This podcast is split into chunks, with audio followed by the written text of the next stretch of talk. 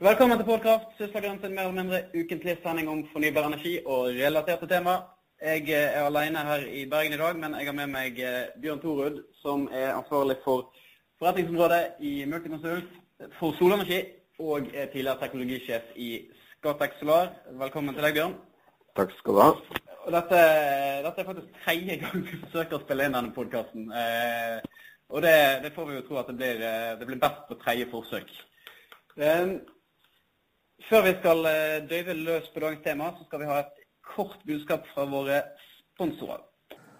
Hei, jeg heter Marius Holm og er leder i Miljøstiftelsen Zero. Årets Zero-konferanse nærmer seg, og i år er temaet De grønne spydspissene. Norge kan spille en nøkkelrolle i å drive det grønne skiftet videre. Om vi alle bruker handlingsrommet vi har til å skape størst mulig positiv endring. Jeg håper du vil komme. Gå inn på www.zerokonferansen.no for mer informasjon og påmelding. Vi ses. Bjørn, du har nettopp holdt eh, solenergikurs i Trondheim. Hvem er det som deltar på sånne kurs, og, og hva i verden er det de lurer på? De som er her, er, eller de som er på de kursene, er stort sett eh, generelt eh, interessert i solenergi og har ikke så mye erfaring. Men de kommer hovedsakelig fra byggebransjen. Mm. Er Fellesnevneren er de som jobber med energieffektive bygg, men det er da typisk arkitekter, konsulenter, eh, entreprenører, elektrikere, tømrere mm. Eh, og noen enkelte energiselskaper. Ja, for det siste der er jo eh, litt interessant. Eh, altså energiselskapene i Norge er jo i, i all hovedsak vannkraft, kan vi si. Har de begynt å fatte interesse for, for solenergi, og på, på, hvilken måte er det de er nysgjerrige? Ja, De er jo først og fremst nysgjerrige på hva dette er. Hva er den teknologien, hvordan virker den? Og hvorfor kommer det til Norge? Altså Man har jo lenge trodd at ikke dette her var relevant for Norge, men da viser det seg at det blir bygd, og da må det jo være noen som syns at det er relevant. Mm. Så det er en del sånne spørsmål som, eh, som dukker opp. Og så eh, er man interessert i å kanskje vite litt mer om hvor, hvor, stort dette blir, og om dette er faktisk om det kan være en spennende forretningsmulighet også for de. Mm. Ja, for, for, per i dag så er det vel sånn at det er, det er mye innenfor du nevnte disse yrkesgruppene, så er mye innenfor byggesektoren, gjerne fremdrevet av, av stadig tøffere energikrav, som eh, i størst grad har tatt i bruk eh, solenergi? Ja, det er først og fremst for bygg vi ser i Norge. og Det er eh, energieffektive bygg hvor, eh, eh, hvor, solenergi er kanskje den letteste måten å få fram et null- eller plussenergibygg. Mm. Eller å oppgradere energikarakteren, altså, eller hva skal jeg si, energiytelsen til bygget.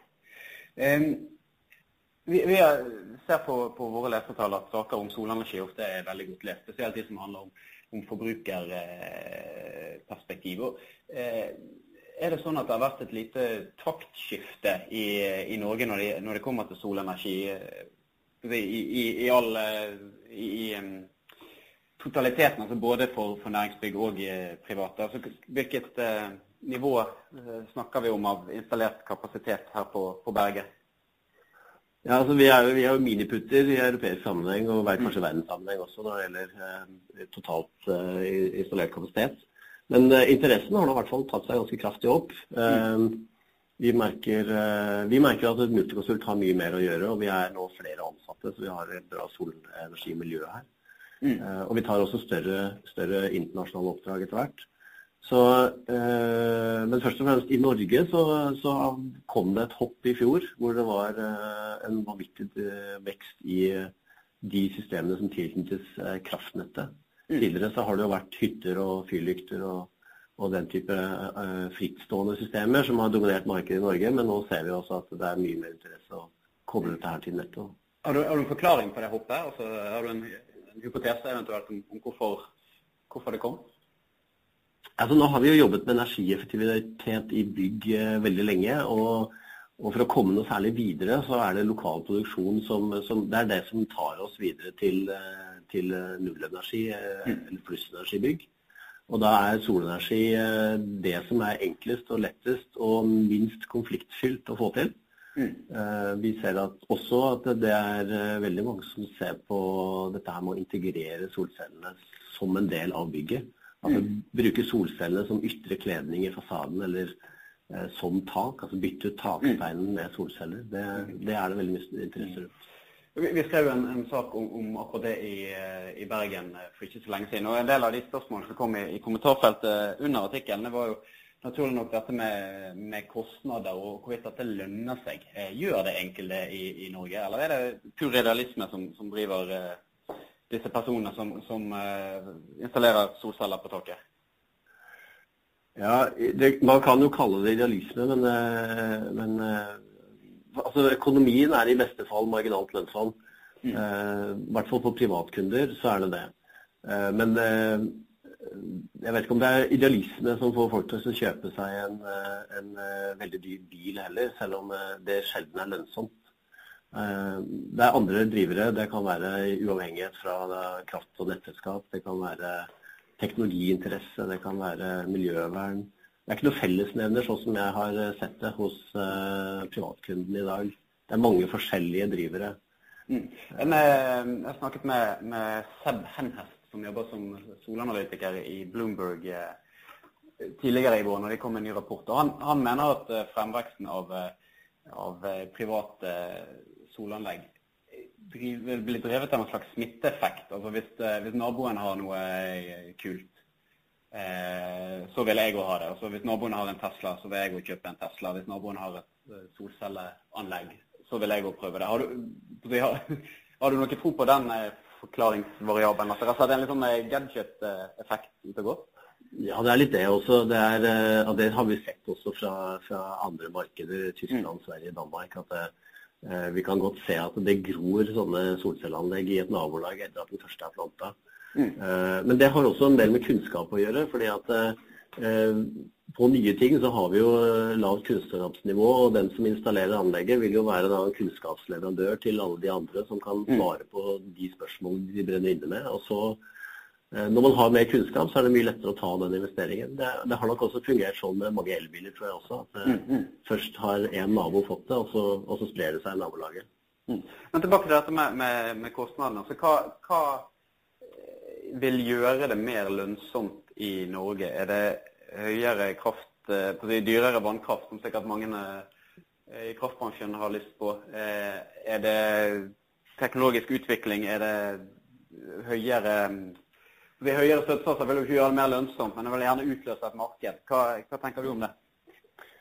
Eh, ja, Vi må ha en modning av det norske markedet, for vi ser at prisene i Norge er høyere enn nabolandene. og det, det, har ikke noe med teknologien å gjøre som sådan, det har noe med norsk kunnskapsnivå. Eh, eh, som gjør at det tar lengre tid å selge anlegg. Det tar lengre tid å bygge de. og det å ta når det tar lengre tid å bygge, så blir det dyrere. Og når man bygger spredte enkeltanlegg, så, det, så, koster det også mer. Uh, og så er det, en, det er jo en del skjær i sjøen også i Norge. Så bare uh, støttenivået har selvfølgelig én ting å si, men, uh, men, men hvis man får fjerna de hindrene som ligger der i dag, som, er, som f.eks. mangel på et, et regelverk på, på mm. hva som skal oppfylles for å koble seg på nettet, og hva som gjelder praksis innenfor plan- og bygningsloven f.eks noen kommuner så er det søknadspliktig om du skal ha solceller på taket, andre er det ikke osv. Mm. Eh, det er en del sånne ting som må ryddes litt av veien for å få et mer modent marked. For det er ikke solforholdene i Norge som setter en stopper for det? Nei, solforholdene er det ikke noe å si på. Det, det er faktisk veldig bra. Vi er bedre enn Nord-Tyskland. Og Tyskland er jo, som kanskje mange vet, mm. et marked for solceller. Så det er, det er ikke utfordringen. Det er ikke mangel på, på sol. Det har vi. Eh, det er breddegrad er mye mye mindre eh, viktig enn eh, lokalt vær. Mm. Men, hvorfor, hvorfor, skal norske privatpersoner bruke, investere i solenergi når vannkraften er så billig og vi har så mye av den? Altså, hva, hva er, er, fordelene ved det? Nei, det er jo flere fordeler ved å ha distribuert produksjon. Da. Du har, reduserer jo bl.a. tapene i nettet. og du, du, du, du for byggene som sådan så vil, det, vil byggene bli mer effektivt. Og du utnytter jo da areal som på en måte er belagt. Da. Det er ikke snakk om å legge nye vassdrag i rør, det er ikke snakk om å, å sette opp uh, vindturbiner på uh, fine fjell. Så, så, sånn sett så er det en veldig effektiv utnyttelse av de arealene vi allerede har lagt beslag på.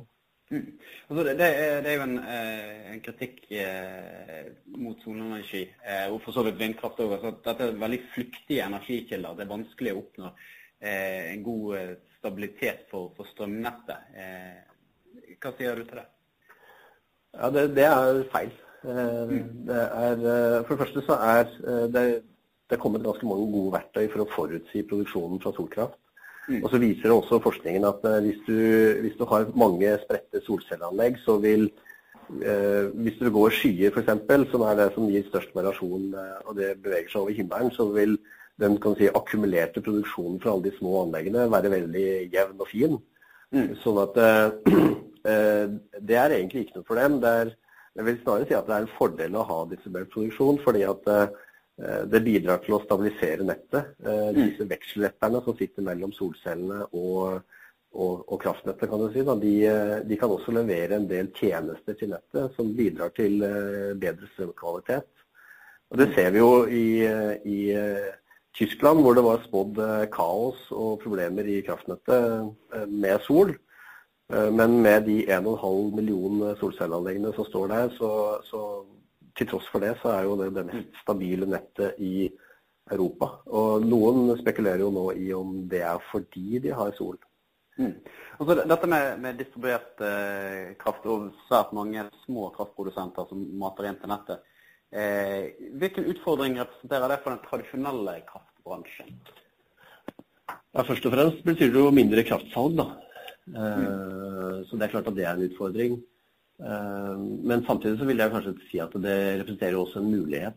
Mm. Eh, det, hvis, vi ser hva som har skjedd ute, så, så, er det jo flere eller jeg vil kanskje ikke si altfor mange, men enkelte kraftselskaper uh, har begynt å se på forretningsmodeller hvor, det, hvor, dette er en integrert del. Mm. og så er det eh, andre selskaper igjen da, som baserer seg på at altså, kraftverk, Helt nye kraftverk som baserer seg på distribuert produksjon. Som mm. agerer på kraftbørsen som såkalte virtuelle kraftverk.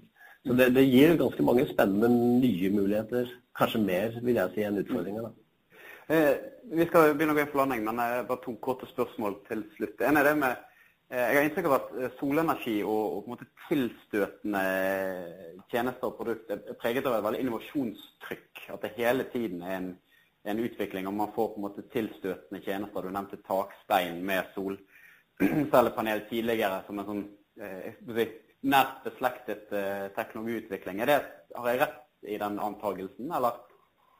Ja, det kom, gode eksempler. Ja, ja, det er, det er voldsom innovasjon rundt dette her med teknologi og forretningsmodeller. og, og det, det, spiller på samme lag i mange tilfeller. Altså, du har uh, dette her med f.eks. i, i u-land også betale solcellene via mobiltelefon, betale strøm via mobiltelefon. Uh, du har uh, solcellelamper, en liten solcellebatteri og en lampe som erstatter parafinlykter som brukes stort sett i dag det er et kjempespennende marked i seg selv, som vokser eh, mellom 100 og 300% i året. Mm. Eh, vi ser også eh, dette her med bygningsintegrerte produkter. At det kommer mer, flere og flere produkter som skal integreres i bygget, som da har solceller. Altså Man mm. får flere funksjoner. og ja, Det er en ny måte å tenke på. da. Du kan si at Det er jo sjelden noen egentlig regner på lønnsomheten til en fasade. Mm i utgangspunktet, men med solceller i fasaden så kan faktisk fasaden generere lønnsomhet til bygget. Mm.